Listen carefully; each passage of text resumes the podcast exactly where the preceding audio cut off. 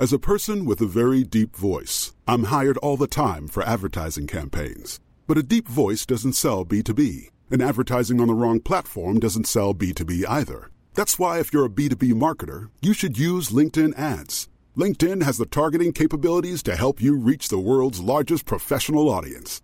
That's right, over 70 million decision makers all in one place. All the big wigs, then medium wigs, also small wigs who are on the path to becoming big wigs. Okay, that's enough about wigs. LinkedIn ads allows you to focus on getting your B2B message to the right people. So, does that mean you should use ads on LinkedIn instead of hiring me, the man with the deepest voice in the world? Yes. Yes, it does. Get started today and see why LinkedIn is the place to be to be. We'll even give you a $100 credit on your next campaign. Go to linkedin.com slash results to claim your credit. That's linkedin.com slash results. Terms and conditions apply. Since 2013, Bombas has donated over 100 million socks, underwear, and t-shirts to those facing homelessness.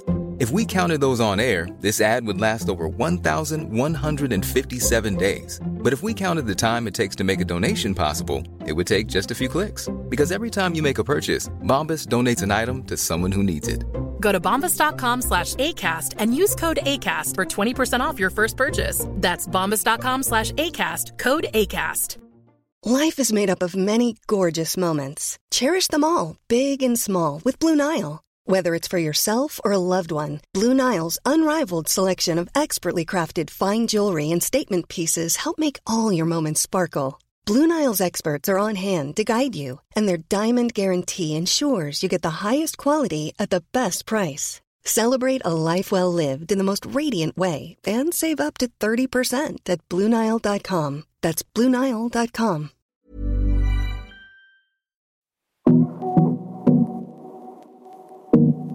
Hej och varmt välkommen till Karriärpodden och till avsnitt 228. Hon är flerfaldig OS-medaljör, har 12 VM-guld och över 70 mästerskapsmedaljer. Hon har slagit flera världsrekord och är en av de bästa europeiska simmarna genom tiderna. En helt otrolig karriär. Jag gästas den här veckan av ingen mindre än Therese Alshammar.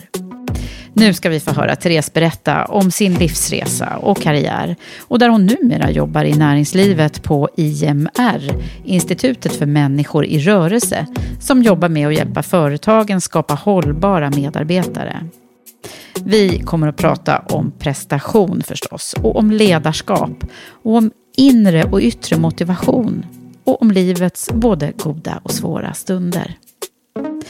Innan vi drar igång vårt samtal vill jag passa på att tacka Karriärpodden och Women for Leaders samarbetspartner Volkswagen Group Sverige. Tack för att ni gör det möjligt för oss att sända Karriärpodden och att jag får fortsätta lyfta fram förebilder.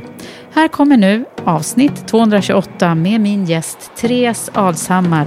Jag heter Eva Ekedal.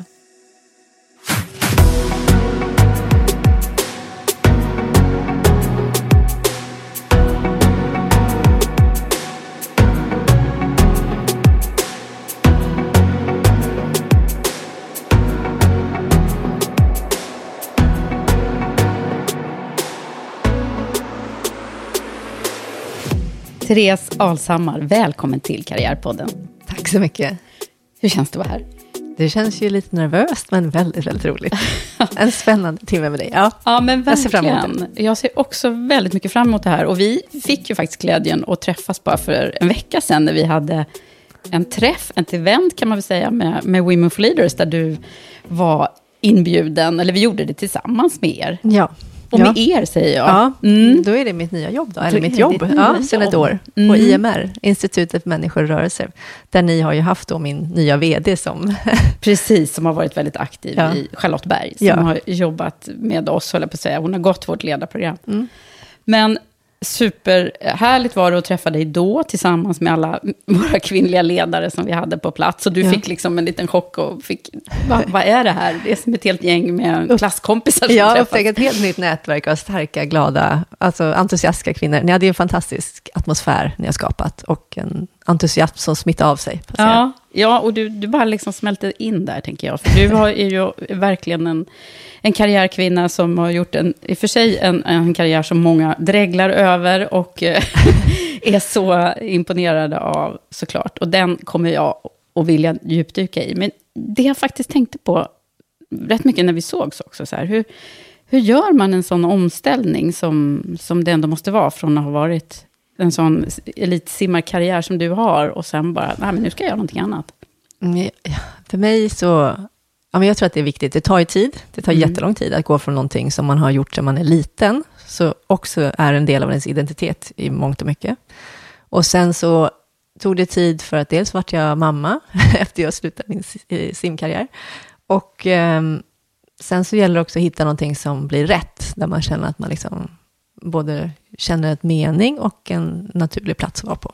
Mm. Och det känner jag att jag har gjort med IMR. Jag var ganska klar på vilka områden jag ville jobba inom. Men sen så har jag gjort massa andra saker också efter min simkarriär. Men jag var ganska säker på att jag ville jobba på saker som hjälper andra. Jag ville mm. jobba med hälsa, med saker som jag vet är liksom viktigt, med levnadsvanor, eh, må bra, det har varit en så naturlig del. När man idrottar så tänker man på alla aspekter av sitt liv. Man tänker på så här, jag ska äta, jag ska sova, jag ska vara noga mm. med min återhämtning. Vi har redan börjat prata om, du ja, hade med dig en massa bra ja. mat och, och ja. eh, vad säger, nötter och snacks här till mig ja. som, som jag genast ska anamma. Ja, ja men man blir väldigt noga, eller jag var ju tvungen att vara väldigt noga. För att allting handlar om att kroppen, att man ska orka, man ska prestera, man ska träna liksom flera gånger om dagen och man ska klara av allt det. Mm. Så då blir alla parametrar så viktiga. Och när jag sen skulle jobba vanligt, tänkte jag, det här, jag vill ju fortsätta med de här goda vanorna jag har och kanske nu hjälpa andra också mm. med det. Så då vart IMR väldigt naturligt. Alltså, det låter ju som När jag fick frågan för ett år sedan mm. så tänkte jag, det här är jätteroligt. Dels att hjälpa folk att vara mer fysiskt aktiva, eh, hjälpa företag, liksom kunna hjälpa sina medarbetare må bra, ha någon slags förhållningssätt till att alltid kolla upp det här, att göra en prioritet, att ta hand om sig själv. Mm. Ja. Och det har ju du fått såklart göra under hela din karriär. Men ska ja. vi berätta någonting om, om IMR? Va, vad gör ni för någonting då? Ja, men jag skulle, det är ju, eh, vi grundades för ungefär drygt tre år sedan bara av Mats Sundin. Mm. Och, eh, Men också vi, en strålande idrottskarriär. Ja, också en stark idrottskarriär. Men vi handlar absolut inte om elitidrott. Det låter ju så när jag och mm, Mats mm, jobbar där. Man tänker så här, åh, bara... nu ska vi hurt, hurtbullen-nivå. Utan det är mer att det som vi vet funkar, och det är det här individuella upplägget och att alla är olika och att alla behöver ha en god hälsa. Och det handlar inte om att träna för någon tävling eller ett lopp, utan det handlar om det här, vad mår man bra av? Och det är att ha en hälsosam balans i sin vardag. Så därför får IMR, vi kallar oss för, liksom, vi hjälper företag med hållbara medarbetare. Det som man pratade om miljön för kanske 20 år sedan, tror jag i framtiden för människor. Mm. Jag tror att vi lever i ett samhälle som gör det så svårt för oss att ha en hälsosam inställning till hur det är att leva. Liksom, mm. Allting kan göras nonstop hela tiden. Vi kan skicka mejl när som helst på dygnet. Man kan vara tillgänglig jämt. Man kan äta liksom, sittande i soffan bara med ett knapptryck. Man kan, man kan göra så mycket saker så effektivt och liksom, i oändlighet, vilket gör det farligt, för vi tappar de här sunda sakerna som är så viktigt för att vi ska må bra. Som mm. att promenera, vara i naturen, ha regelbundet liksom, fysisk aktivitet eller liksom, träffa någon och prata om sin hälsa eller sin utveckling. Mm. Så de sakerna jobbar vi med. Men äh, än så länge bara mot företag och sen då med de här hälsopedagogerna som vi har som utbildade, som var och en på företag får träffa. Mm. Och förhoppningsvis sätta upp en egen resa och liksom titta över det här. Inom idrotten så är det det, det som är mest är att jag har så här, var noga med att ta med mig en veckoschema. Att jag mm. planerar min vecka. Hur ska min vecka se ut för att jag ska må bra? Med både liksom träning och aktivitet precis, och allting, hälsa och liksom, vila. Återhämtning. Mm. Ja, kanske inte skriver upp i detalj varje måltid, men ungefär. Jag vet att jag måste äta de här måltiderna varje dag och jag ska försöka äta den här typen av mat. Och jag ska få in aktivitet här, de här tre dagarna. Skriver in vilken tid det är så att man inte hoppar över det. Mm. Eh, och när man ska planera in återhämtning, eller tid för ingenting. För det är kanske det allra svåraste. Det, precis, det är ju det vi är allra sämst ja. på, tror jag. Ja. Men du, jag måste bara... Alltså, hur lång tid tog det då innan du kom på det här? Eh, vad, vad göra. du ville göra när du inte skulle simma på elitnivå? Ja, men jag, jag tror att jag är... Dels så simmade jag en tid eh, när det inte var så mycket ekonomi i, i sport. Simning är inte en, en jämställd sport. Alla har liksom, tjejer och killar har lika dålig lön, om man ska vara så krass. Men nu har det kommit, de sista fem åren har kommit ganska mycket mer pengar i simning. Så att nu kan man då säkert, om, om man har simmat rad, jag kunnat sluta och kanske inte behövt jobba. Men min realitet var annorlunda. Och när jag simmade så var jag väldigt noga med att investera alla pengar jag tjänade på min sport i min egen satsning.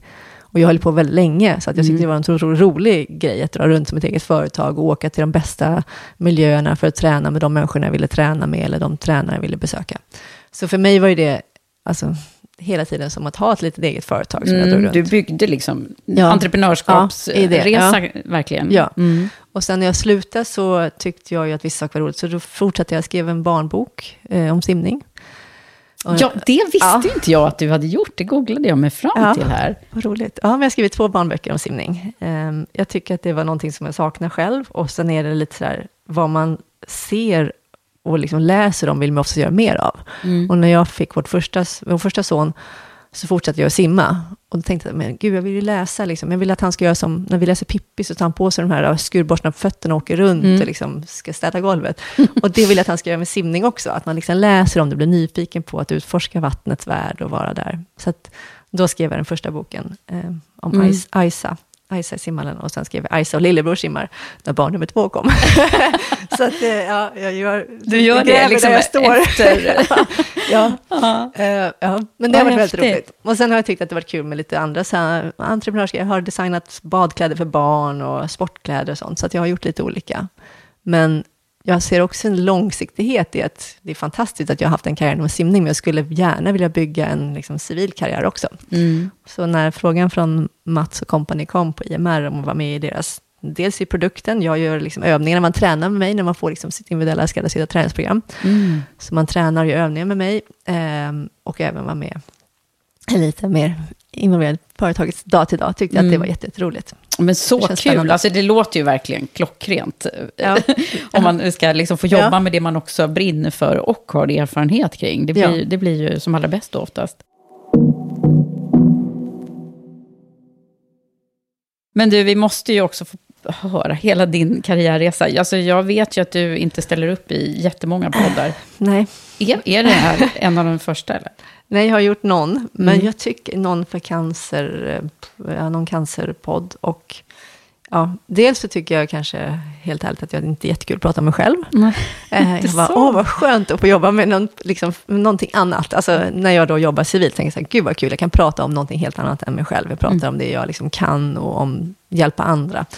Eh, jag tänker att det jag lärde mig mest inom min simkarriär är att det fokuserar på tillväxt, fokuserar på att lära mig nya saker hela tiden och att sitta och prata med mig själv är inte det. så då tänker jag att det här vill jag inte göra. Men, Men eh, tänk på liksom vårt nyckelord i Women for Leaders och Karriärpodden, det är ju paid forward. Ja. Så det är ju, det är okay, ju på något ja, sätt ja, det jag, du gör nu. Ja, det är paid mm. forward. Ja, men jag tänkte att det här tycker jag, ni gör ett fantastiskt jobb. Jag tycker det är en viktig... Alltså jag älskar det här talesättet, you cannot be what you cannot see. Mm. Jag hade själv en jätteviktig förebild i mitt liv när jag var liten. Mm. Och vem var det då? Vi börjar där nu. Det var min mamma. Det var mamma. Mm. mm. Så jag tycker det är jätteviktigt att man har människor, eller starka, alltså starka förebilder, mm. som kan visa en vägen och som kan hjälpa en fram. Mm. Så att, Hur ja. var det med din mamma? Hon var också simmerska. Min mamma var simmerska. Hon mm. simmade OS 72 i München. Och eh, hon var Gud, OS 72 i München. Vet du att nu, nu ska jag avslöja, för jag är så gammal, så jag kommer ihåg, jag satt som klistrad framför ja. tvn.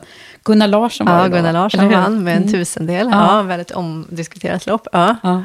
Du ser, jag är också ja, idrottsnörd. Ja, och kungen och Silvia träffades, eller hur? Precis, mm. det var mycket som hände där. Ja, och Lika Knape vann mm. OS-guld i simhopp. Mm. Ja, men det var ett stort... Och då var din mamma Och, och attentaten också, ja. kanske framförallt, som Precis. många minns mest, mm. som var tragiskt. Mm. Ja, så jag har hört om det eh, väldigt mycket. Och jag har även hört om min mammas simkarriär, för hon slutade när, när hon simmas fick man höra att hon, man var gammal när man var 18. Mm. Så hon var ju då dels genom hela min karriär den största supporten i att fortsätt, fortsätt, fortsätt. Ja. eh, och det har du ju faktiskt ja, gjort. det har jag faktiskt gjort. Flera hon, comebacks också. Ja, flera mm. comebacks och flera så här försök till att stanna i det jag gillar. Men hon, ja, så att det är ju inte alla som är det. Det är viktigt, jätteviktigt med studier, men hon var så här stark, hos henne var det sagt att hon sa att du kan alltid plugga senare, men du kan inte idrotta senare. Mm. Uh, och det har hon ju haft rätt i. Men jag är glad att jag gjorde båda faktiskt under lång tid. Mm. Men hur gick det till? Var, var ni, hängde ni i simhallen då väldigt mycket när du var liten? Ja, min mamma var min första simlärare. Mm. Så hon satte ihop en grupp med mig och en dagiskompis. Uh, så vi fick liksom ha gemenskap och ha kul på träningen. Så var hon vår första simlärare. Och sen så var jag i väldigt många olika klubbar. För att om jag inte trivdes så var hon också väldigt noga med att byta miljö på mig. Mm. Så att jag lärde mig super, super tidigt vikten av liksom att vara en god prestationsmiljö, att vara någonstans där man trivs och har roligt, är mycket viktigare än att liksom jobba på uppgiften. Mm. Så att, ja, när jag var 13 hade jag varit i fem olika simklubbar, vilket är jätteovanligt. Mm. Och nu hör jag så barn som spelar fotboll, så här, men man får inte byta klubb, då är man liksom en Ja, att vi skulle, Ger man upp typ? Ja, eller, eller mm. liksom att man mm. förräder sitt liksom, moderslag. Och jag tänker så här, gud, det är mycket viktigare att byta miljö. Dels så lär man sig jättemycket av mm. att få komma in i en annan miljö igen. Och så skapa nya relationer och kanske träffa någon som man inte skulle träffat annars, som kanske blir en jättegod vän. Eh, och sen så lär man sig också att det är så viktigt, det är så lätt att jobba hårt eller liksom att utvecklas i en bra miljö. Mm. Där man blir sedd och man får ja, uppmuntran och får höra att man är bra på något. Så, så för mig var simningen jätte, jätteviktig. Och det där kan man ju verkligen koppla till senare i livet och till, alltså, till karriären i, i, i näringslivet ja. eller vad ja. som helst. Alltså, Det där med att byta jobb, det är ju samma sak där egentligen. Och det handlar ju om ledarskap här redan tidigt. Ja, det gör det faktiskt. Jag lärde mig jättemycket om sånt när jag var liten. Och sen var det senare i min karriär, när jag var liksom vuxen och äldre, så var det så här, gud, jag vill besöka de här tränarna för att se hur de jobbar med sina adepter. Liksom, mm. Om det var någon som var väldigt skicklig, om det kom fram några superstjärnor ibland, tänkte så här, åh, undrar vad hans tränare gör. Eller så kommer det fram flera superstjärnor från den tränaren, så tänker jag, den här mm. tränaren, gud vad intressant. Han har förmåga att se många och ge ja. dem sitt bästa, liksom, att alla ska nå sitt potential. Ja, men du nämnde tidigare att det var ju, förutom då mamma som är kvinnlig mm. tränare, men annars har du haft väldigt många manliga tränare. Ja, jag är lite sorgligt att jag reflekterar vägen hit. Så här, oh, jag skulle vilja säga att jag har haft eh, duktiga kvinnliga ledare. Jag har haft en kvinnlig ledare under, liksom, flera, i flera perioder i mitt liv. Och det är Ulrika Sandmark, som numera är... Hon var förbundskapten väldigt länge i simning. Mm. Eh, hon startade tillsammans med några andra kvinnor, Ann Forsell och några andra, i, när jag var, liksom, då var jag nog 14, som hette Tjejer kan, hette det så? Ja, men liksom ett tjejinitiativ. Ja. För att tjejerna skulle bli bättre inom simningen. Det var ett, ett Women for Leaders för, Ja, det var Women for Leaders alltså. för simning väldigt tidigt. Vi fick cykelbyxor och munkjacka och så man lite, ja. det var träningshelger och sånt. Och det var ju väldigt roligt initiativ på den tiden. Och det kom också en stark våg av liksom duktiga tjejer sen. Jag tror att man måste ju ha Ja, det är viktigt att ha lite extra satsning, men det mm. behöver inte vara... Man satsar på bägge sådär på det sättet, tänker jag. Men det är ändå väldigt, väldigt viktigt att man har mm. bra förebilder och visar att tillsammans kan vi klara mycket. När du tänker på din uppväxt de där tidiga åren i, mm. i simhallen och utanför simhallen, vad, vad, är det som, vad kommer upp för, för minnen? Ja, jag hade en väldigt härlig uppväxt inom min sport. Jag, jag hade en mindre härlig tid i skolan. Jag har varit mobbad från första klass och sen tills jag slutade minnas, ska jag säga. Och eh, i simningen så kände jag mig mer uppskattad för liksom, hur jag tog mig an och hur jag försökte. Och jag var absolut ingen liksom, talang eller barnstjärna som liten, utan det var mer att jag hade kul i vattnet. Jag tyckte om att simma, jag tyckte om att vara mm. i det elementet. Så att, och så småningom tyckte jag liksom att, eller mer och mer, desto mer tid jag spenderade, desto roligare fick jag med mina vänner. Så att mina liksom, bästa Dina kompisar var ju mina simmarkompisar. Mm. När jag växte mm. upp. Så skolan, där, vad, vad var det som hände? Nej, men jag har väl, eller jag har stora tänder fortfarande. Jättesnygga tänder, sitter jag och tittar på här. Okay, ja, ja. Nej, tack. Ja, nu, ja, men eh, jag hade väldigt stort överbett, så jag fick mm. in tummen mellan över och underkäke. Och eh, ja, men fick ju liksom, ja, men när man går i första klass, är man ju sju år, så jag hade väldigt stora tänder. Och ja, vart retat mina tänder helt enkelt. Mm. Barn alltså. Mm. Ja. Ja. De var så elaka mot Ja, varandra. det är någonting så speciellt. Så det hade jag ju med mig i skolan. Då och var det så då att simningen blev liksom din, din plats att hämta kraft och, och bekräftelse och, och kärlek då? Ja, för mig var det en plats att jag blev sedd och kände att det var okej. Okay, att mm. jag var okej, okay, alltså som jag var. Och att... Men jag tycker också det var fint att man liksom uppmuntras till att misslyckas. Och jag upplevde lite att jag misslyckades i skolan. Det att man inte passar in, att man mm. inte liksom en av de här som är med i, i coola gänget. Eller med Så det blev, I skolan blev det ganska hårt att man inte, ja, men man inte passar in och det finns ingenting man kan göra för att ändra på det på något vis. Mm. Men inom simningen så upplevde jag att jag ah, jag var absolut inte den bästa simningen heller, men jag var ändå med i gruppen. Ja. Alltså, det handlar ju om ledare och liksom bra tränare som ser alla och som säger att det här är viktigt. Att man alla försöker på sitt sätt och alla gör sitt bästa. Och mm. man Så att simning på det sättet har varit jätteviktigt för mig. Sen så hittade jag en tränare som såg mina liksom, unika kvaliteter när jag var 13 och sa så här, men det här... Så det var då det tog fart? Då liksom. tog det lite fart. Mm. Mm. 13 var det då? Ja, 13 var jag. För tills jag var 13 så hade alla trott att jag skulle simma bröstsim, för min mamma simmar bröstsim. så att jag hade simmat bröstsim, vilket är mitt... Ja, det finns fyra simsätt och det är mitt absolut sämsta simsätt än idag. Alltså jag har noll koordinativ förmåga på det Aha. Så att då såg en tränare att nej men det här passar inte alls dig. Du ska simma ryggsim eller frisim, som är mer liksom, enkel koordination. Så att, eh, då gjorde jag det. Så på ett år gick jag från att vara nästan, ja, men inte ens i liksom, ungdoms, alltså SUMSIM heter det, alltså, mm. ungdomsmästerskapen, till att vinna seniormästerskapen. Så att jag var en extremt snabb utveckling där när man väl... Oh, wow. Mm. Och då var det någon som både såg dina kvaliteter, ja. Och såg dig kanske? Ja, och som mm. var jätteskicklig. Han är lärare såklart, han var lärare i yrket i övrigt. Så han var väldigt liksom, pedagogiskt skicklig, duktig på att liksom, berätta historier och försöka förklara, utbilda oss. Han hade så här, samtal innan eller efter träningen om så här, ja men hur är en person som är framgångsrik? Och vad är det för skillnad på den och någon som inte är det? Han var liksom, mm. ja men jättefin. Så han körde mental träning också på er då? Ja, eller han försökte i alla fall liksom utbilda oss på det sättet som man mm. kanske behöver också som liten. Mm. För det blir väldigt svårt, det finns ju liksom inte plats för 20 i en grupp. Och att alla ska tro att de är liksom, att de är mitten av universum. Mm. Utan man måste vara med, liksom, beredd och informerad på att det är ett samarbete och att det handlar om att göra sitt eget bästa och att alla har lika värde oavsett resultat. Mm. Och den diskussionen kommer jag liksom än ihåg idag. Så att någon räckte upp så ah, men den framgångsrika personen är en streber. Och han bara, nej det är den absolut inte. Det är inte det det handlar om. Liksom, utan att man kan vara framgångsrik, men man kan ändå vara, liksom, ha de här kvaliteterna, som att man kan vara snäll med sina kompisar, man ska bry sig om andra. Alltså han hade väldigt han mycket mjukare... Han lärde er empati också, låter Precis, det som. Mm. Mjuka, fina värderingar.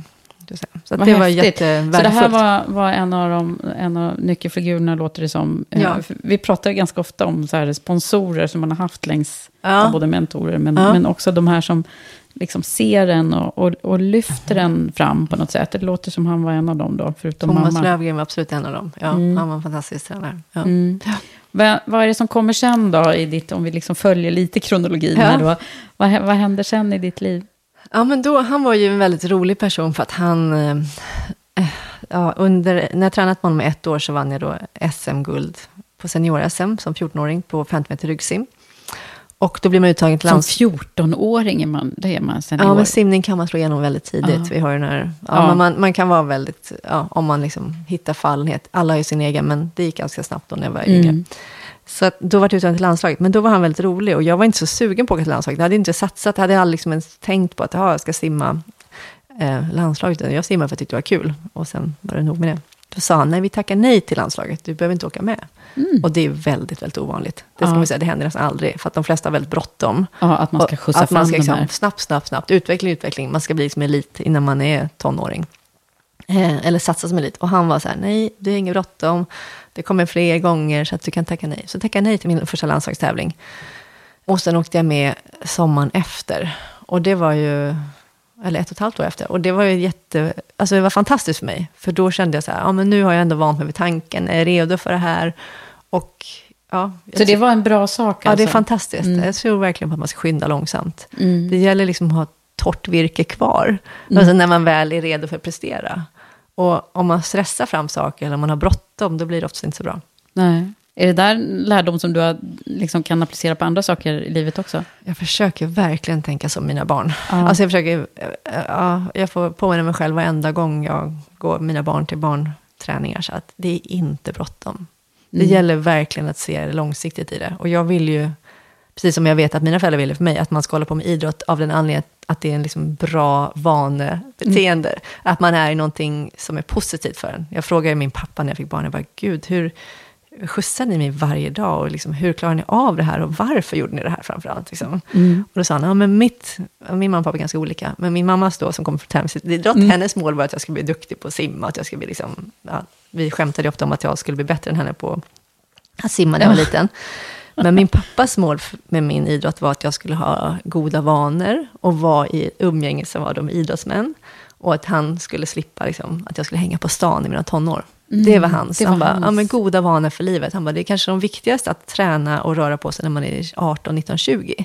Han bara, så har jag lyckats hålla kvar dig i idrotten till dess, så är jag jättenöjd. Det var mm. hans mål med min simkarriär. Så, och det kan jag verkligen alltså, förstå och känna så här, ja. Ah, för det kommer inte naturligt att man skapar sig goda vanor som liten. Utan man måste ju få hjälp att implementera dem. Ja, verkligen. Och idrotten spelar en sån stor och viktig roll. Ja. Eh, både ja. i liksom hälsa och välmående, men också alltså det här att få, få känna lagkamratskänsla ja. och massa sånt viktigt som ja. kommer också. Men du, eh, jag blir lite nyfiken där på hur du tänker kring, det är två söner. Ja, jag har två pojkar. Ja. Eh, ska, de, ska de bli simmare? Gud, de har lite... Ja, jag har ju då simmat hela mitt liv nästan och min partner är simtränare. Exakt, det jag tänker. Så det blir vi har ju lite halvjobbigt när vi... Vi hade svårt för att ha honom i vanlig så vi tränade honom själva i simning, för det var svårt för oss två besserwissrar att stå på kanten och se någon annan lära ut liksom lite ja. fel teknik. Nej, men han, vi hoppas ju att bägge håller på med sport för att de tycker det är roligt, att de hittar liksom en ett, också en annan liksom, plats att vara på. Så man får känna på att det finns så mycket olika människor. Alltså man kanske bara träffar en grupp i skolan, så träffar man en annan grupp där. Jag tycker det är värdefullt. Och i simning tycker jag speciellt, för man tränar i liksom mixade kön och mixade åldrar. Mm. Vilket var jätte... Det gjorde man tidigt. Ja, det gör ja. man tidigt. Och det tycker jag är jättefint. Jag tycker ja. det är bra att se liksom att det finns mycket olika. För att man behöver känna på och verkligen se att det finns lika många människor som... Ja, men det finns så mycket mm. olika och det finns olika sätt att göra saker på och det finns olika personer. Mm. Så, om... Men du, var aldrig... Jag hade några kompisar som simmade. Så jag kommer ihåg att de alltid kom liksom med blöta ja. håret till skolan. Så här. Det var, var det verkligen så här varje morgon? Och, ja, mm. det är morgonträning tidigt. Jo. Det är för att det är en ganska skonsam sport, plus att man kan ligga många timmar liksom i vattnet och man behöver nöta teknik för att det är ett annat element. Man behöver ligga i vattnet mycket, alltså för, mm. att känna, för att öka känslan för vattnet och få bättre grepp och teknik. Men sen kan man ju diskutera om man måste träna så pass hårt så tidigt, som man, man ska ju leka och spendera mycket tid på det man vill bli bra mm. på. Så att, mm, men du har ju nött lite. Ja, man har nött, ja det har man gjort. Mm. Så att, och många Var som du aldrig trött på det? Sådär, så, nej, jag orkar inte längre. Jo, jättemånga gånger. Därför har jag frågat min mamma och pappa hur de gjorde för att få mig att fortsätta. Ja. men det, jo, men man har jättemånga gånger man vill sluta. Men så är det väl med allt. Det går ju i vågor och ingenting är roligt jämt. Mm. Och det här med motivation är väldigt så här, fluktuerande, vart man hämtar det ifrån.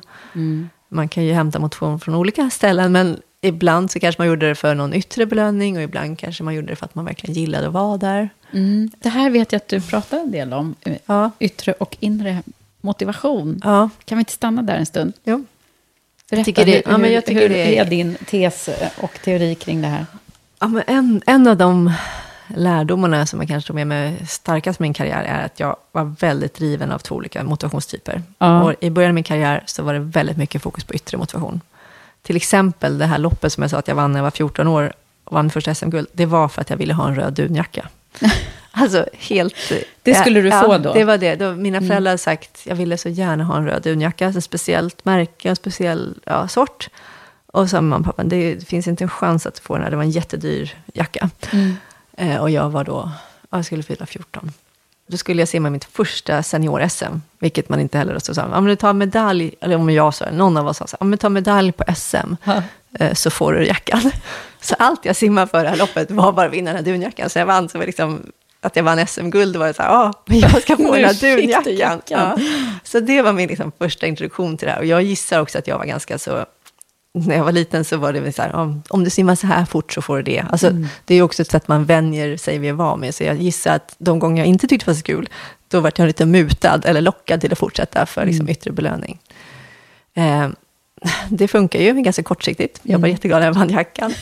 och sen så kom jag men, även... men det kanske inte funkar lika bra nästa gång? Nej, eller? det funkar ju oftast inte nästa gång. Så att man får liksom hitta olika... Um, men, och det satt kvar i mig ganska länge. Jag var säkert ganska driven av yttre belöning för att jag hade lite tufft i skolan. Så jag ville säkert bevisa att jag kunde vara bra när man väl kände att det här, nu har jag lärt mig simningen. Jag är ganska okej okay på att simma. Så min karriär var ju rätt, liksom, följde liksom normal utvecklingskurva. Jag har varit bäst i Sverige, så tänkte jag så här, ja men när jag var runt, jag åkte på college, pluggade på college i USA i två år, så tänkte jag, men om jag ska ge det här lite till så behöver jag nog satsa än mer på simningen. Så då åkte jag till en tränare i Tyskland som tränade en av världens bästa tjejer då. Mm. Och då frågade jag om jag fick komma dit och träna med dem. Och efter mycket om men, jag fick komma och provträna, åka med på läger och sen fick jag vara med i gruppen. Och då var jag väldigt driven av liksom, att jag ska bli bäst i världen. Det här är mitt mål, se hur bra jag kan bli. Jag ska utvecklas för att vinna, inte för att liksom se vart min gräns är, utan det var så här, jag ska bli bäst i världen. Ja, så då var det det som var... Ja, det var mitt huvudmål då. Målet. Mm. Hur var det med motivationen då? Vad var... Ja, men då, jag var ganska, eller jag var väldigt motiverad. Mm. Allting var också mycket första gången. Det var så här, första gången jag började med styrketräning, första gången jag tränade väldigt seriöst och väldigt själv. Alltså, jag var rätt lat som liten, eller så här, tyckte inte det var jättekul att träna, utan jag fick oftast liksom ja, men jag fick alltid skjutsas dit eller övertalas att gå dit. Men första gången där var jag så här, driven själv. Jag ska bli bäst i världen, jag ska göra det här själv. Så det ja. var ju också väldigt stark motivation just för att det var självvalt. Mm, just det. Men det var en, fortfarande en yttre? Det var väldigt drivet av ytter, mm. yttre. Och eh, jag kom till en jättehög nivå. Jag slog mina första världsrekord och jag vann min VM. Och jag var, ja, vi var jätteframgångsrika. Men Sen så kom vi till ett mästerskap där, som är OS, som går var fjärde år, som väldigt hög fokus på. Mm. På det OSet så kom jag tvåa. Jag fick två silver och ett brons med mig. Och när jag kom tvåa så var jag förkrossad, för jag hade siktet inställt på att vinna. Och min tränare hade sagt så mycket till mig innan att en sprinter förlorar aldrig. Och liksom, man fick inte förlora några lopp. Och jag hade inte förlorat några lopp nästan på hela året in till det här mästerskapet. Oh. Så att, att, att komma tvåa var... Att liksom, komma tvåa var döden. Var, det, det, var liksom hemskt. Det var som ett svart hål. Jag vet att jag låste in mig på toaletten. Jag ville mm. inte gå till prisutdelningen. För jag tyckte att det var... Ja, det var så... Vad tyck, tänker du nu när du pratar om det?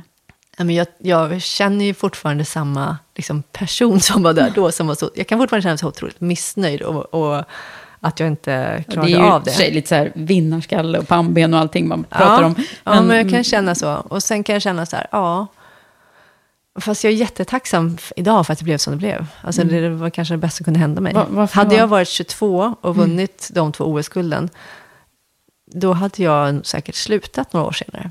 Ja. Ofta, jag såg den trenden sen också, att ofta så är det liksom folk som börjar med någonting och så når de... Nästan ända fram. Ja, mm. eller så når de sitt drömmål också. Och då blir det mm. liksom början på slutet. Ja. Och jag tycker det är också sorgligt på något vis. Mm. Ofta så gör man någonting för att man älskar att göra, eller för att man är liksom behärskar det. Man tycker så här, det här är kul och utvecklande. Mm. Och sen som man uppnår sitt mål så blir det en avtrappning mot slutet. Tänker jag så här, nej men det var ju uppgiften i sig du gillar, det var inte målet du gillar. Nej, just det. Och resan är ja, målet. Ja, precis. Och typ. resan är ju mm. verkligen målet. Mm. Så det tycker jag är en sån, att man liksom blandar ihop resultatet med uppgiften. Ja. Det är inte bra. Nej. Eller man ska försöka separera dem. Att ja, uppgiften är den här. Och ibland blir resultatet så, och ibland blir det så. Vad hände då efter att du hade eh, blivit sådär förkrossad? Ja, då var jag extremt omotiverad. Jag flyttade till eh, London och tränade mig själv och hade en väldigt eh, jag menar, annorlunda inställning till träning. Jag tränade inte alls så bra i två år ungefär. Och hade, framförallt så var jag så bränd från mitt eh, alltså arbetssätt med min tränare. För jag hade nog varit ganska styrd tidigare. Liksom. Jag, var väldigt, så här, jag sökte mig till tränare som var min ungdomstränare Thomas Lövgren var jätteduktig. Och han var ju utbildande och liksom skicklig så. Men sen, sen, sen behöver man ju också någon som tar nästa nivå. Så det är naturligt att man går vidare och söker nya miljöer. Men när jag kom till min tyska tränare så var han väldigt manipulativ. Han var extremt... Ja, men han var så otroligt liksom, straff och belöningsfokuserad. Han spelade mm. ut oss i grupper mot varandra. Han, han, men han var inte en liksom, schysst person helt enkelt. Nej en så ganska där, dålig ledare. Så du blev lite bränd där kan man säga. Så där, mm. efter det är det väldigt svårt. Dels för att lita på personer som man liksom anförtrott sig åt, eh, som man jobbar så här nära med. Man berättar ju oftast liksom väldigt mycket för sin tränare för att få bästa möjliga upplägg. Och för att mm. få, så där kände jag att det var ett stort svek liksom, i den här att man inte vill öppna upp sig för någon igen, eller att man vill inte lita på någon. Mm. För det är jobbigt att lita på någon och säga så här, ah, vi ska göra så att du är det bästa i världen, och sen bara, nej du är skit, du klarar inte det här. Alltså, han var mm. extremt hård mot eh, mig Så du fick person. också höra det efter den här? Ja, gud ja. Inte nog att man liksom var missnöjd själv, så man hör. Nej, man gud, det ja. räcker ju med att man är sin egen kritiker de där ja, lägena. Men han var en stor, han har väldigt sån, ja. Ja, så där blev du riktigt där var besviken? Ja, mm. väldigt omotiverad, jättebesviken. Men sen så började jag efter två år så jag tänker, men det är ju någonting. Det hände, jo, det hände en rolig grej. Det hände att jag var i London och så var det en australiensisk tjej som jag hade tävlat mot innan, slog ett av mina världsrekord. Och det hade stått sig då i några år, så att den här Libby Tricket slog ett av mina världsrekord. Mm. Och så fick jag en journalist som ringde mig och sa så hur känns det här? Jag bara, det känns ju, alltså, rekord är ju verkligen till för slås, men det kändes ändå pyton, för jag var i London och var i en helt annan värld och bara, ja, ja det känns väl okej, okay, grattis till henne. Så tänkte jag så här, nej men det är någonting eh, kvar i mig. Det okay. känns inte okej, okay, liksom att bara, det här, det här kanske var det det blev. Och så ja. var det så här, men jag bara, nej. Hur gammal var du då? Ja, då var jag 24. Mm. Eh, och, eller 25, ja. Och då tänkte jag så här, nej men det finns någonting kvar. Och då eh, tog jag det aktiva valet själv, så här, nej men jag ska hitta en tränarmiljö där jag vill vara och träna. Så då åkte jag till USA, till Australien. Och sen så fick jag tipset av en, gam, en ungdomstränare som jag hade haft som liten. En annan kille som heter Bosse Westergren sa så här. Jag tror att du skulle testa att träna för Johan Wallberg. Mm. Han är en väldigt liksom, skicklig tränare för våra ungdomssimmare. Och han har bra liksom, inställning till det här. Och han hade tränat oss båda. Så Bosse kände mig och Johan. Fast jag och Johan hade aldrig tränat tillsammans tidigare.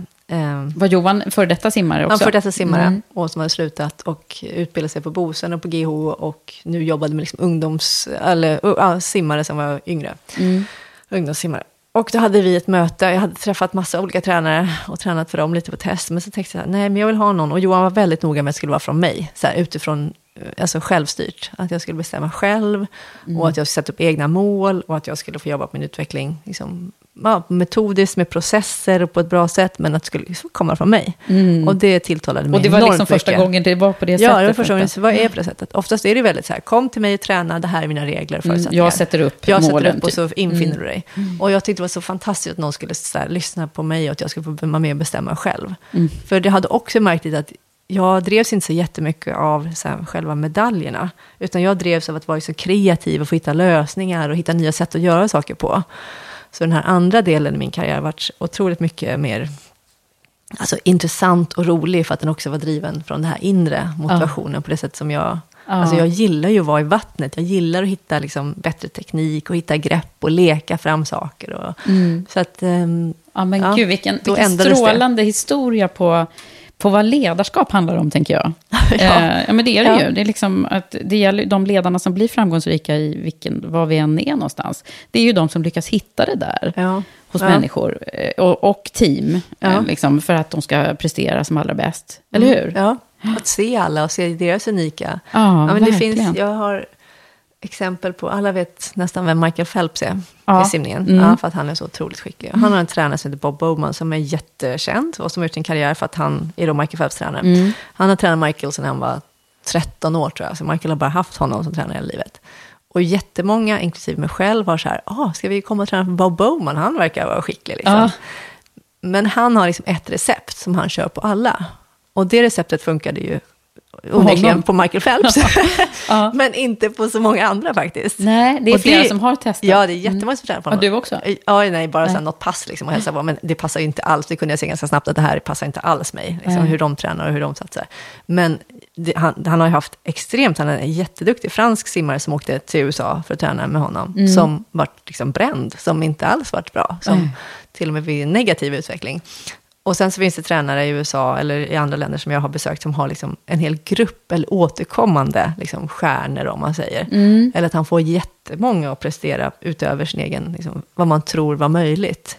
Och det är ju häftigt. Uh. Och då har ju de tränarna, någon, de har ju en egenskap som är helt annorlunda. De Precis, ser så de... okej okay, det här är du, det här skulle passa dig bra. Mm. Och det här tror jag du kan lära dig av. Och väldigt mycket sån, jag hade en fantastisk tränare när vi, jag tränade i Australien som var så här, okej okay, nu coachar ni varandra hjälpa varandra och se vad du gör, och, eller vad, vad han eller hon kan göra mm. bättre. Liksom, sitt på botten och kolla så här, teknik på varandra och mm. ge feedback. Man lär sig otroligt mycket av sånt. Ja, verkligen. Sitt på botten. Vadå? ja, man, man, sätter sig, liksom, man, man, blåser ut luft och håller sig under så någon simmar över en. För då ser man ju på ett annat, en annan vinkel okay. och man ser väldigt noga teknik. Du måste förstå ja. att jag ja. inte fattar inte vad du pratar om. Ja. nej men gud vad intressant. Det här skulle ju du kunna liksom applicera på vilken ledarskapsträning som helst. Ja. I, i, verkligen, för att det, det ligger mycket i det. Och det, vi pratar ju mycket om det i Women for Leaders. Men mm. alltså att vara den här som ser individerna och, och, och coachande ledarskap. Det låter ju lite klyschigt, men det är ja. ju inte det. För det är det, det här, det, är ja. det du beskriver nu. Ja.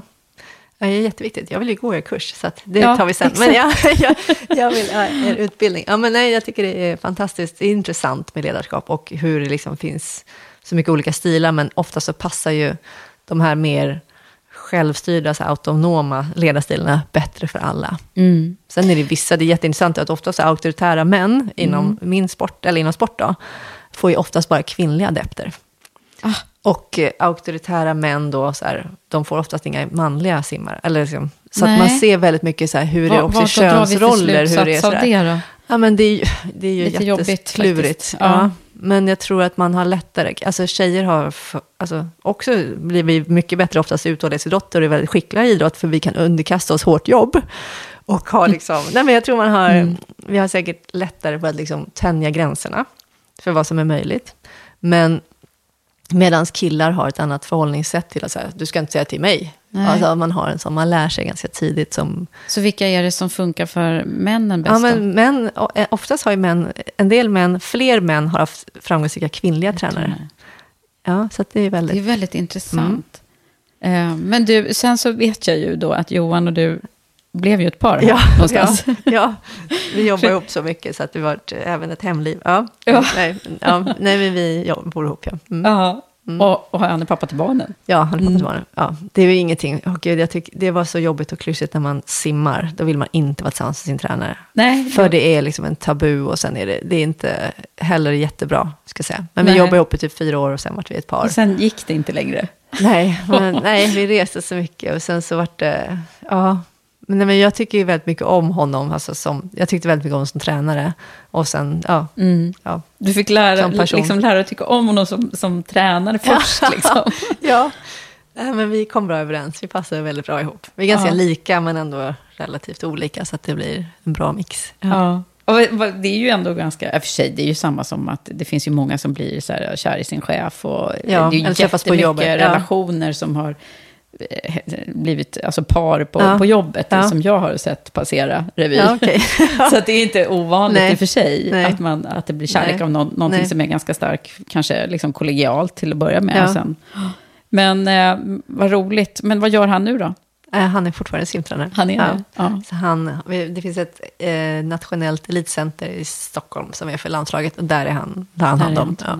Mm han är tränare för de som simmar idag. Så, ja, det, är, så det, det, det, är oundvikligt, du liksom lever kvar i den här världen, även fast ja, du Alltså väldigt liten lite. då, ska jag säga. Vi, vi var väldigt noga med, det var ju en av våra styrkor då, som jag också lärde mig, så här, en nyckel. Vi var supernoga med att så här, switch on, switch off.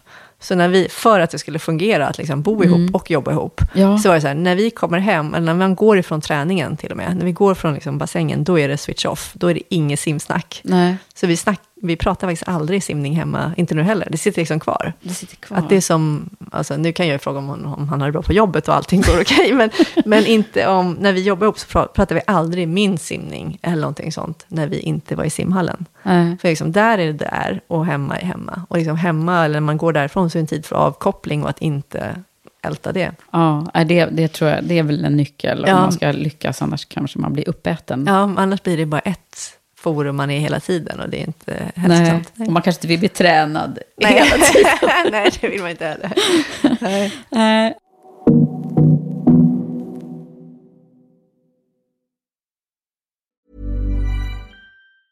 Hey, I'm Ryan Reynolds. Recently, I asked Mint Mobile's legal team if big wireless companies are allowed to raise prices due to inflation. They said yes. And then when I asked if raising prices technically violates those onerous two-year contracts, they said, what the f*** are you talking about, you insane Hollywood ass?"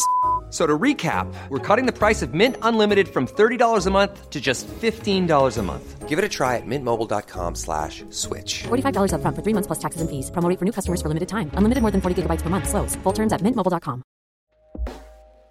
Hey everyone. I've been on the go recently. Phoenix, Kansas City, Chicago.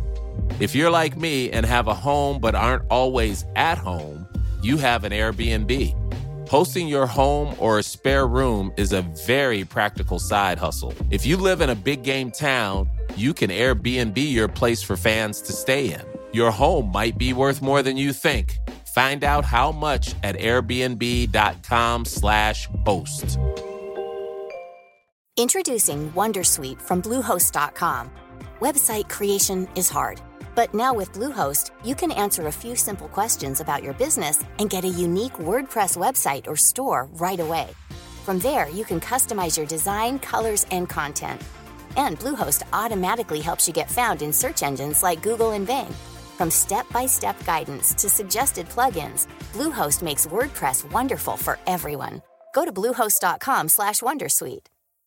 Hey Dave. Yeah, Randy. Since we founded Bombus, we've always said our socks, underwear and t-shirts are super soft. Any new ideas? Maybe sublimely soft or disgustingly cozy. Wait, what? I got it. Bombus absurdly comfortable essentials for yourself and for those facing homelessness. Because one purchased equals one donated. Wow, did we just write an ad?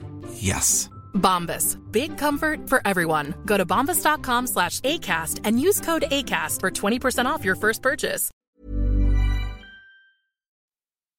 Jag funderar på, hur gör man en sån här intervju liksom, eh, i Karriärpodden? 72 medaljer är det, mästerskapsmedaljer. Ja. Mm. Vi kan, vi kan inte prata om alla Nej, vi kan inte prata om dem. Men, men de här OS är ju förstås, kan jag tänka mig, liksom, eh, väldigt viktiga parametrar. Mm. Men om du skulle, så här, vilken är det som har varit mest betydelsefull för dig? Uh, ja, men jag, oh, som jag sa då, så tycker jag att det är väldigt så här, oh, jag, det, jag fastnar inte ens hos mig, alltså medaljer eller sånt. Nej. Vad ska jag kalla det, liksom att den här yttre, de, här, det var ja, men som i början med karriär, då var det väldigt viktigt. Jag, ska säga, oh, jag har vunnit så och så många. Och jag kommer ihåg att Anders Holmers var en fantastisk mm. simmare. Och han var i landslaget när jag kom med i landslaget när jag var liten. Och han var en bra förebild, för han var en väldigt här, snäll, trevlig person, väldigt jordnära. Och var absolut liksom inte skrytig eller på något sätt. Och väldigt, liksom, jag menar, en fin förebild att ha. Men jag kommer ihåg att han hade någon sån här 72 SM-guld. Och det var min dröm att liksom slå det. Så när jag då slog det, och, ja, då, då var det så här, åh, okay. det här var grejen. Men, men sen så har jag väldigt svårt, det var ju mest för att det var Anders och för att han var liksom min idol när jag började i landslaget. Men sen har jag haft väldigt svårt för att ha medaljer eller något som minnesvärt eller mm. något sånt. Utan det är mer, jag kommer ihåg mitt första, världsrekord. Jag kommer ihåg mitt första världsrekord. Mm. Jag kommer ihåg så här hur det var att liksom slå den här, det var en kinesisk simmare som hade det världsrekordet. Och alla hade pratat om att det skulle vara omöjligt att slå 53 sekunders gränsen på 100 frisim. Mm. Och min tyska kollega som jag då tränar med, Sandra Fölker, hon hade det som mål. Och jag bara, jaha, jag var ju liksom fem år yngre än henne och bara var med i hennes grupp för att jag hade liksom bett och bönat att få träna med henne som träningspartner.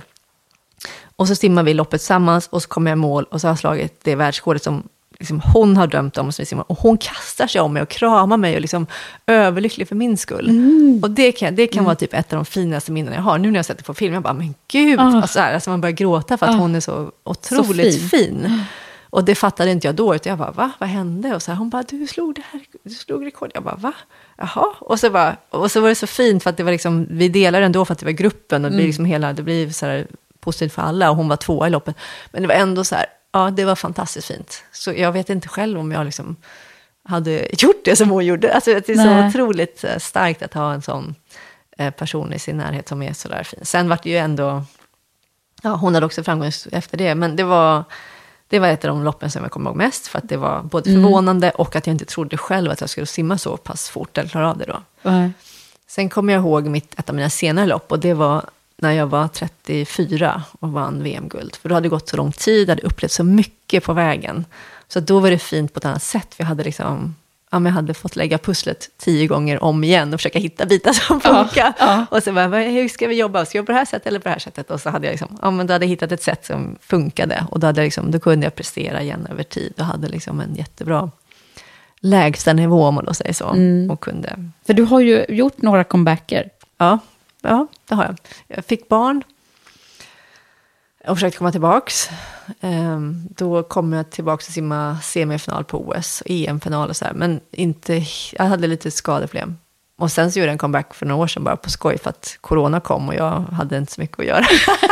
du ja. tänkte bara, ja men nej, ålder är bara en siffra, vi, ja, vi kör. Ja. Nej, ja lite mer, det ska jag inte säga helt. Men jag, då hade jag jag har lite simskola, simverksamhet för barn. Mm. Och då, det året hade jag precis tänkt starta upp mer, så vi hade liksom fler tider. Så stängde simhallarna för att corona kom. Och de enda som fick tillgång till simhallarna då var proffs. Och då var ju då min partner, min kille och den, den gruppen han tränade. Så jag bara, vad ska jag göra? Liksom. Och jag hade tränat lite innan så här regelbundet. Så då ökade jag så att jag tränade simning fyra dagar i veckan. Mm. Lite annat. Och så vart jag relativt så här på ett halvår, jag bara, men gud, jag är inte så långt ifrån Nej, det. Jag där liksom, du en gång var nej, då liksom. ja, jag var ju Mm. ändå en bit ifrån. Men jag var liksom, Ja. jag bara förvånansvärt, kändes, alltså förvånansvärt lätt kändes det. Och Mm. väldigt roligt. Ja, Så och det var efter, ja just det, du ja, hade båda hade jag barnen. två barn. Mm. Ja, hade jag, ja, precis. Så det här var ju 2020, eller 2021 blir det på hösten där. Ja, men OS var till framskjutet, så det var liksom ett halvår kvar till Just det, OS ja. 2021. Ja. Och då tänkte jag så här, ja men jag kan ju testa om jag kan kvala till OS här. Det hade varit fantastiskt roligt. Ja. Men det gjorde jag inte. Men det var väldigt så här, det var roligt. Och sen så tänkte jag att jag gillar att göra saker som är så här med oviss utkomst. Om jag inte Ja. vet att jag kommer klara av det. Jag tycker det är kanske det mest spännande av allt. Det Att så är här, göra så. grejer Det är som det som är inte- grejen alltså. Ja. Och jag tänker att det gör man sig själv en tjänst av att göra. Det är så Mm. mycket grejer man gör som man vet är ganska safe. Som är så här, ja men jag säger att jag kommer göra det här för att jag kommer klara. Jag sätter alltid så här galna mål som jag tänker att jag kommer kanske inte alls klara. För att det är ganska kul att också misslyckas. Ja, det är så. Ja. För du, ja, men, det tänker Eller, jag alltså, så det här, du är inte ju, kul på riktigt, det ska jag säga. Det är inte kul. Men det är bra och nyttigt att misslyckas. Ja, Så, Men jag, jag tänker på du, du har ju tränat både på lyckas och, och misslyckas. Mm. Det, det måste man ju på något sätt härda ut om man ska ha en sån här lång elitkarriär. Ja. Men jag har lärt mig, alltså det är det där, det där loppen som jag var så missnöjd över när jag kom två. Jag har lärt mig mest av det av alla lopp kanske. Mm. Alltså det är fantastiskt. Det är ju skitont att utvecklas och lära sig saker. Och att liksom växa som människa, men det är så bra i Mm. längden. Vad häftigt. Det där tror jag vi kan lära oss lite av också. Jag menar, att lära sig av att misslyckas, det brukar vi ju prata om i och för sig. Speciellt Ja. här i podden, där Ja. pratar vi både toppar och dalar. Och, liksom. Ja. eh, och det är ju oftast de där liksom, svåra stunderna som har varit, som, det är det vi kommer ihåg och, och också präglat oss på olika sätt. Ju. När vi pratar om det, eh, för din del, vad är det som har varit sådär, ja men topparna har vi, har vi nämnt lite här nu, men Mm. liksom de här liksom svåraste stunderna, både i, i karriären och, och livet, vad är det som... Ja, men i karriären kan jag tänka ibland så att man är så otroligt förunnad, för man är så skyddad, man lever liksom i en trygg värld. Och man Mm. har väldigt, liksom, ja, även om man inte har så uppstyrt så har man väldigt säker tillvaro runt omkring sig. Man har folk alltså, som tar hand om en, man har liksom, familj och sportsystem. Så att den, de dalarna skulle liksom inte, de är ingenting jämfört med saker som händer i livet. Alltså, ja, en vän som fick cancer och gick bort. Alltså sådana saker, då har man liksom ingenting som... Nej. Det finns ingen, inget golv under den, liksom, utan då är det Mm. svarta hål. Så att de, de sakerna är jobbigare än allt annat, ska jag säga. Mm. Saker som händer i, ja men bara varje dag i livet. Ja, Och, och där är det ju klart att då, även om det är mitt i de här värsta situationerna som vi inte ens kan tänka på eh, utan att bli berörda, Mm. Eh, så är det ju ändå där någonstans man också lär sig en massa saker. Ja. Om sig själv och om livet och sådär. Ja. Eller hur? Ja. Att inte ta saker för givet och liksom uppskatta, det är ju oftast de små sakerna Mm. i livet. Mm. Och varenda dag, det är det som räknas. Ja, men verkligen. Men du, Therese, jag tänker på att vara sådär liksom, toppresterare i elitidrotten, som du verkligen, och där du också har jobbat med din kropp som, som verktyg. Mm. Hur var det när du sen också blev gravid? Ja, ja, det är jättekonstigt. Eller bara, det känns... ehm, ja, men jag kommer ihåg uh, bägge graviditeterna som så här, hur mycket man än kämpar och jobbar så blir det bara sämre. för det är som ett förfall, för man bara tappar kontroll på kroppen. Och den, gör, alltså den blir både liksom, långsammare, slöare, större. Så där. Jag, gick upp, jag slutade väga mig när jag gick upp över 20 kilo med Ja. första barnet. Ja. Och jag hade verkligen, det är det enda som är tacksamt. Man jobbar, när jag jobbar med kroppen så var jag ändå väldigt liksom, accepterande av kroppen. För i simning kan man också se ganska olika ut. Det är inte så att, man, att ett ideal är överlägset bäst, utan det finns ganska mycket olika kroppsformer. Och då tänkte jag så här, att kroppen är funktionell framförallt, ska stötta oss. Men när man blir gravid så känner man ju tvärtom. Mm. Liksom, den bara sviker, man får ont och man får liksom... Ja, det är Ja, samma som jag fick mycket problem i kroppen. Alltså, den var, den var lite, det var lite jobbigt. Ja. Eh, men sen, ja, efter första sonen, då var jag ganska, jag var skadad. Ja, några veckor innan OS i London och fick ett diskbråck i nacken. Och då visste jag att jag skulle rehabilitera väldigt länge. Mm. Och då var jag 35. Och då hade jag en sån här ålder i huvudet. Så här, efter 36 blir det svårare och svårare att bli gravid. Och jag hade velat ha barn ganska länge. Men det passar liksom aldrig in i karriären Nej. att få barn när man är... Och det var första där. barnet. Det var första Mm. barnet. Så då tog jag min rehabtid och bara, okej, nu ska jag se om, vi kan bli, om, vi, om jag kan bli gravid. Vilket Mm. det blev. Och då blev det det? Och då blev det. Och det gick ju faktiskt väldigt bra. Mm. Och andra barnet kom efter jag då bestämde mig för att sluta 2016. Då hade jag fått ännu mer skador, så jag hade väldigt ont. Och så han föddes 2017, mm. på våren. Ja. Men det, det var, var lite komplicerat där med något av barnen. Ja, vår, vår andra son eh, Ted, han är född med vridfot. Mm. Någonting som heter PEVA medicinskt. Och det är att foten är inåtvänd. Och det ser man då på ultraljud ganska tidigt. Eh, nu har allting gått jättebra och han har ett halvår kvar på sin behandling. Tills han är fem år ska han ha så sken, en skena som han sover med. Som på slalompjäxor typ han har varje natt med en stång emellan. Okay. Så att eh, han sover ju fortfarande med mig för att han sover ganska oroligt och liksom dåligt på nätterna. Så han mm. vaknar och vill ta bort den där liksom, några gånger per natt. Oh. Eh, men eh, men ni fick reda allt. på det här när, när han var i magen? Ja, man ser det på ultraljud i magen. Faktiskt. Mm. Ja, mm. Det var jobbigast. Alltså det var nog det allra, allra jobbigaste av allt liksom, i hela processen. Sen, för att då blir det som, då får man gå på specialistmödravård och man får göra väldigt mycket mer koll. Och man får göra eh, fostervattenprov för att se om det inte är några andra, för det kan hänga upp med kromosomförändringar och andra saker. Mm. Och då får man, då fick jag en vecka på mig att så här, bestämma om jag vill ha kvar barnet eller inte. Oh. Och då har man ändå gått, alltså då hade jag ju mage, man har gått jag tror att jag var vecka 20. 20 ja, liksom man har gått ganska länge, så det är lite, ja, det var jobbigt. Det var jätte, den tiden var ju absolut jobbigast. Nu efterhand kan jag tänka så här, gud, om någon hade sagt till mig att det här kommer gå jättebra och han liksom, ja, ja. det är en liten sak på så mycket andra saker som fungerar jättebra ja. i kroppen. Men, och nu, foten kommer ju bli eh, helt åtställd. Han springer och är liksom jätte, mm. Han har till och med en bra simfot för inte stelare fotleder. Nej, nej, jag skojar. Nej, men han har, han har för att inte inåtvriden, vilket är bra på simning. Nej, men han har jättefina fötter och det har läkt jätteväl. Vi har fantastisk liksom, ja. sjuk och läkarvård som vi har fått jättebra hjälp av. Så att. Men det där är ju så här, ja men alltså barnen och vad, det får inte hända dem någonting. Nej, det och är vilket svårt besked liksom att få när man är gravid innan det. Ja. Ja, det var den där mardrömmen. Alltså, jag tror inte, det fanns aldrig liksom på kartan att vi skulle bestämma något annat än att ha kvar Men bara själva tanken att man skulle kunna gjort. Alltså nej, det hade varit mm. fruktansvärt. Ja. Mm. Nej, han är världens Vilken finaste kille. Ja, så att, ja. Härlig tur att ni valde det ni valde. Ja, ja. Mm. ja. Mm. Fint. Väldigt skönt. Du, eh, när man tittar på din jag blir så fascinerad av din, liksom, av, av hur, det, hur det började också, där med mamma. Och, eh, eh, vad tror du det är som har, som har varit mest så här, eh, präglande för dig? Oh. Ja, men jag, alltså min mamma är ju en jättestark del i min resa. Eh, att hon var en förebild. Att hon var liksom på nära håll en så här mamma som bara, det är klart du kan göra det. Och alltid. Alltså, alltid en så här jättestark push i ryggen. Liksom. Mm. Ja. Eh, det och sen att jag har haft tur att träffa tränare som har hjälpt mig vid rätt tillfällen. Mm. Både bra och dåliga, men liksom många väldigt, väldigt bra. Också.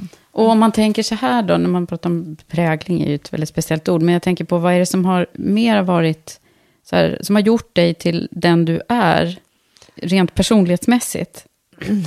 Ja, bra fråga.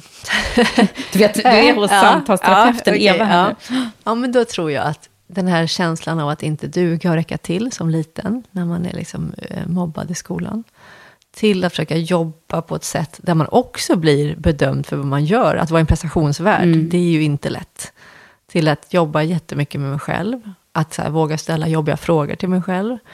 Och att försöka hela tiden så utvecklas och lära mig mer för att känna mig tillräcklig. Mm. Det har varit liksom min uppgift i livet tror jag. Mm. Mm. Att man inte är det man gör. Utan man försöker förbereda sig på bästa sätt. Alltså hur det än blir. Så är det resultatet av hur förberedd jag var just då och mm. där. Mm. Det tror jag är en jätteviktig skillnad. Men för mig försöker jag varje dag så här skilja på mig själv som person och prestation. Mm. Och att jag alltid är okej okay, oavsett vad. Och skriver jätte, jag jobbar mycket med att skriva tacksamhetsdagbok. Jag skriver ofta så här, någonting bra som har hänt mig, om jag hinner på morgnarna. Peppar, peppar. Liksom använder det på med mm. barn och lämning och jobb. Sådär. Så försöker jag skriva på morgonen, så här, intentioner för dagen, vad man vill ska hända, vad som är viktigt för en själv. Så här, vad man skulle kunna göra för att må bra. Om det är liksom att ringa en kompis eller gå en promenad med någon. Eller mm. sådana grejer. På morgonen är det... På morgonen försöker jag skriva ner mm. sådana saker. Så här, vad skulle jag vilja göra idag? Liksom. Mm. Ja. Och oftast inte saker som är liksom jobbrelaterade eller som är prestationsrelaterade. Nej. Utan som är helt fria från det. Som mm. kan vara så här, ta en kaffe i solen. Mm. Det skulle göra min dag magisk. Mm. Ja. Gud, det låter som du har, du har jobbat en del med dig själv. Ja, oundvikligt att vara en sån Alltså det hade varit ohållbart, ska jag säga. Ja. Om man då pratar om hållbara ledarskap och sånt, så märkte ja, jag ju... Det, vänta, du, nu ska ja. du få den frågan. Så okay. bra att du ledde mig in på den. För det är just det, jag har ju en samarbetspartner som heter Volkswagen Group Sverige, som, där vi faktiskt varje avsnitt försöker grotta oss ner lite i vad är hållbart ledarskap? Oj. För, och, då, och då får du den, vad betyder det för dig? Mm. Så det var, det var ypperligt. Okay. Den frågan, ja, vad betyder hållbart? Ja, men... Eh, hållbart ledarskap handlar ju om att balansera och försöka optimera för varje individ. Och jag tror att det är så olika, men jag tror att det är jätteviktigt med förmannaskapet. Jag har haft ledare som har varit extremt, alltså om man tänker att de är, de är out, alltså, ja, jag kan säga att de är incomplete, men de, är, de har inte tänkt färdigt på vad som är viktigt för att liksom må bra. Och sen har jag haft ledare som har varit väldigt klara med att vad är viktigt? Det här är liksom huvuduppgiften. Och det är ju att få varje person att må bra och kunna bli sedda, bli hörda och prestera väl. Mm. De ledarna liksom osar ju ut en härlig känsla åt alla. Och, och det är ju det jag tycker är hållbart ledarskap. Mm. Och det handlar verkligen... Fint, osar ja. ut. Ja, men alltså att man så här, ja, men jag kan inte säga ett annat ord, men man, man, känner ju på sig när någon kommer in och har liksom en härlig, alltså de, kompassen inställd på rätt riktning. Mm. Så ska jag säga. Mm. Det finns ju ledare som bara vill ha resultat, som då min tyska tränare skulle säga. Mm. Eh, och sen finns det ledare som vill ha det bästa som just du kan ge mig. Och det är bara just idag. Mm. Så det är det bästa du kan ge mig just idag, det vill jag se. Mm. Och då är det bra. Och då blir det hållbart över ja. tid. Ja. Mm, för det andra gör ju inte det. Det är så du tänker. Nej, det andra mm. blir... Man kan inte springa på en boll varje dag bara för att man ska framåt. Utan man måste liksom hitta ett sätt att förhålla sig till så här, men vad kan jag göra just här och nu idag? Mm. Ja, men idag kan jag göra de här sakerna. Okej, okay, mm. då fokuserar jag på det. Har, när blev du så här medveten om, om vad det här, liksom hur vi också tänker med oss själva? Uh, mm. När kom det? Var det efter Tyskland?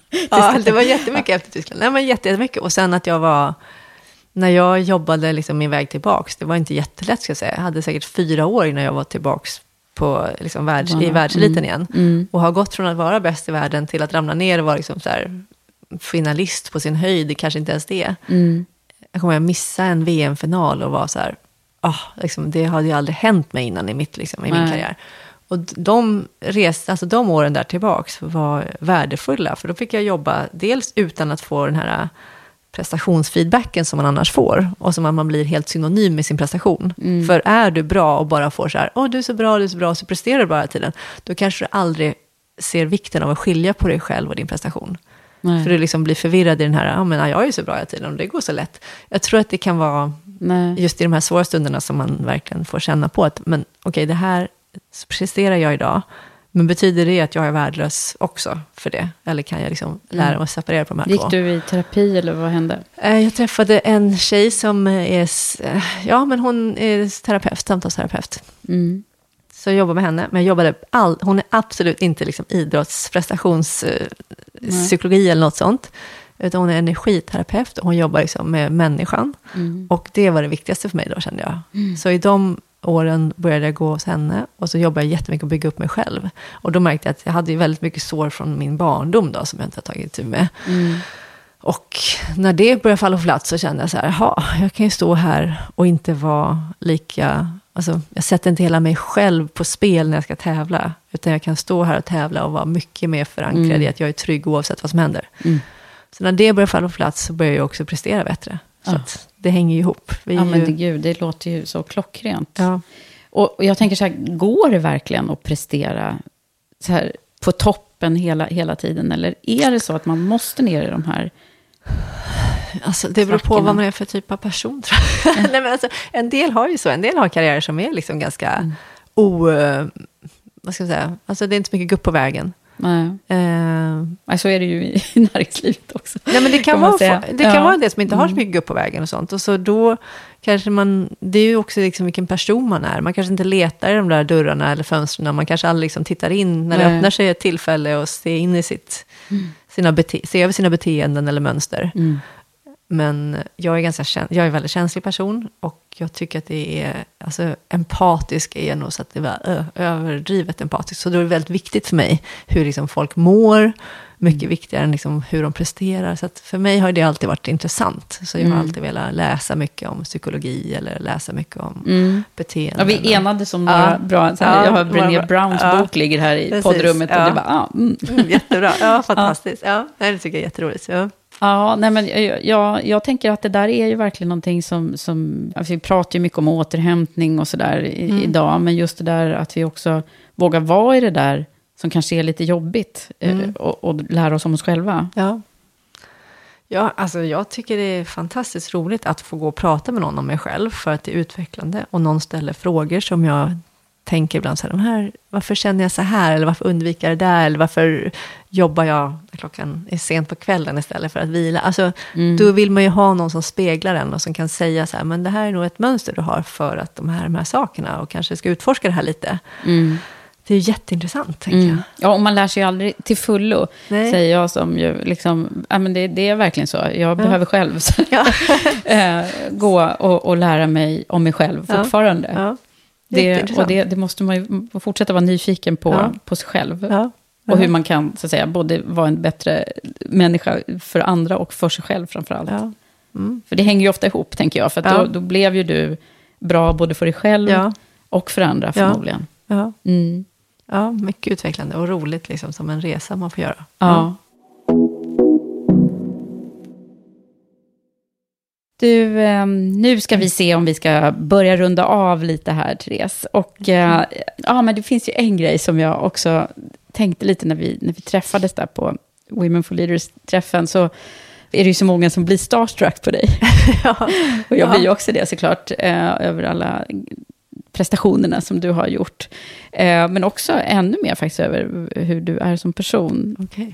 Ja, vad fint. Men, men jag tänkte också på att undra hur det är att vara så där. Alla vill liksom bli fotade bredvid dig och så här. Mm, hur, hur hanterar du det här? Ja, men jag det är lite dubbelt. Jag, tycker är, jag älskar att få liksom bekräftelse för min person. För mina prestationer tänker jag så här, ja, ja, men jag är född med vissa, liksom, jag är född på rätt tid vid rätt plats. Så jag har fått vissa fysiska gåvor som lämpar sig för simning. Så jag känner så här, okej, okay, vissa har påverkat min karriär mycket också, för jag har jobbat så här, liksom, metodiskt och långsiktigt och smart på slutet av den. Men annars känner jag så här, nej, det är mycket finare att liksom få komplimanger för den jag är. Mm. Så det kan jag uppskatta mycket. Mm. Och jag försöker verkligen, alltså, det är bara, jag försöker att inte vara... Alltså, det är jättekul att någon känner igen en och blir tacksam när någon kommer fram och säger att de har tyckt det var kul att man har simmat eller så. Mm. Det är enormt tacksamt, men jag känner mest att jag är... Alltså för mig är jag bara, bara jag. Precis som min mamma var när jag var liten. Att jag bara, du är bara min mamma, det är inget speciellt med dig. Och Nej. hon hade sina medaljer och tyckte så här, så jag bara, det är ju självklart att jag kan bli lika bra som dig, för det är ingenting märkvärdigt med dig. Och Nej. så hoppas jag att folk också känner när de ser mig, så att de bara, men det är inget märkvärdigt med dig. Mm. Vem som helst kan ju bli bra på det hon liksom tar sig an eller bestämmer sig för att satsa på. Mm. Så bra. ja. det, om man också, jag brukar försöka försätta, du som inte har lyssnat så mycket på Karriärpodden, du vet ju inte det här, men mm. jag brukar försöka försätta mina gäster på slutet så här vid att de är så här 2021 igen. Mm. Oj, vad härligt. Ja. Och så ska du få reflektera över vad, vad är det du hade behövt höra då? Vad, hade, liksom, vad är de finaste, bästa grejerna man hade kunnat säga till dig då, som du vet nu? Oj, oj, oj. Ja, jag sa först, gud vad härligt. Sen tänkte jag så här, nej det kanske hade varit jättejobbigt att vara 21, 22 igen. Mm. Men jag hade nog, mm. eh, det hade varit väldigt fint om någon som jag lyssnar på kom fram och sa så här, du kommer lära dig så mycket mer i livet. Mm. Det kommer vara liksom, oändlig utveckling. För när jag var 21 hade jag ganska så här, just att jag var i den miljön, det var ganska statiskt. Att man tror att man har mycket svar och man vet hur saker är. Mm. Och det är ju en illusion och det är alltid så att tyvärr, desto mer man vet om saker, desto mindre kan man säga säkert. Så att jag tänker att det är ju det bästa, liksom, att man kan försöka lära hela mm. livet. Verkligen, lära mm. hela livet. Mm. mm. Är det något mer? Nej, som alltid försöker säga till mig själv så här, det kommer gå okej. Det kommer gå okej. det kommer gå ja. Nej, att man hade fått höra det när man är yngre hade varit fint. Liksom. Man vet så här, det kommer nog gå okej, liksom. det kommer ordna sig. Mm.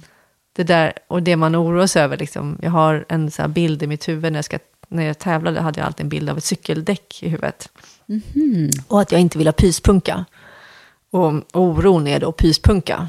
Liksom. Mm. Jag har ju hellre ett stort jack i hjulet, så jag vet att det har hänt något, ah, än att man har pyspunka. Liksom, ah. För liksom, oro är som att gå omkring och liksom bara psh, psh, psh, mm. ta lite energi hela tiden.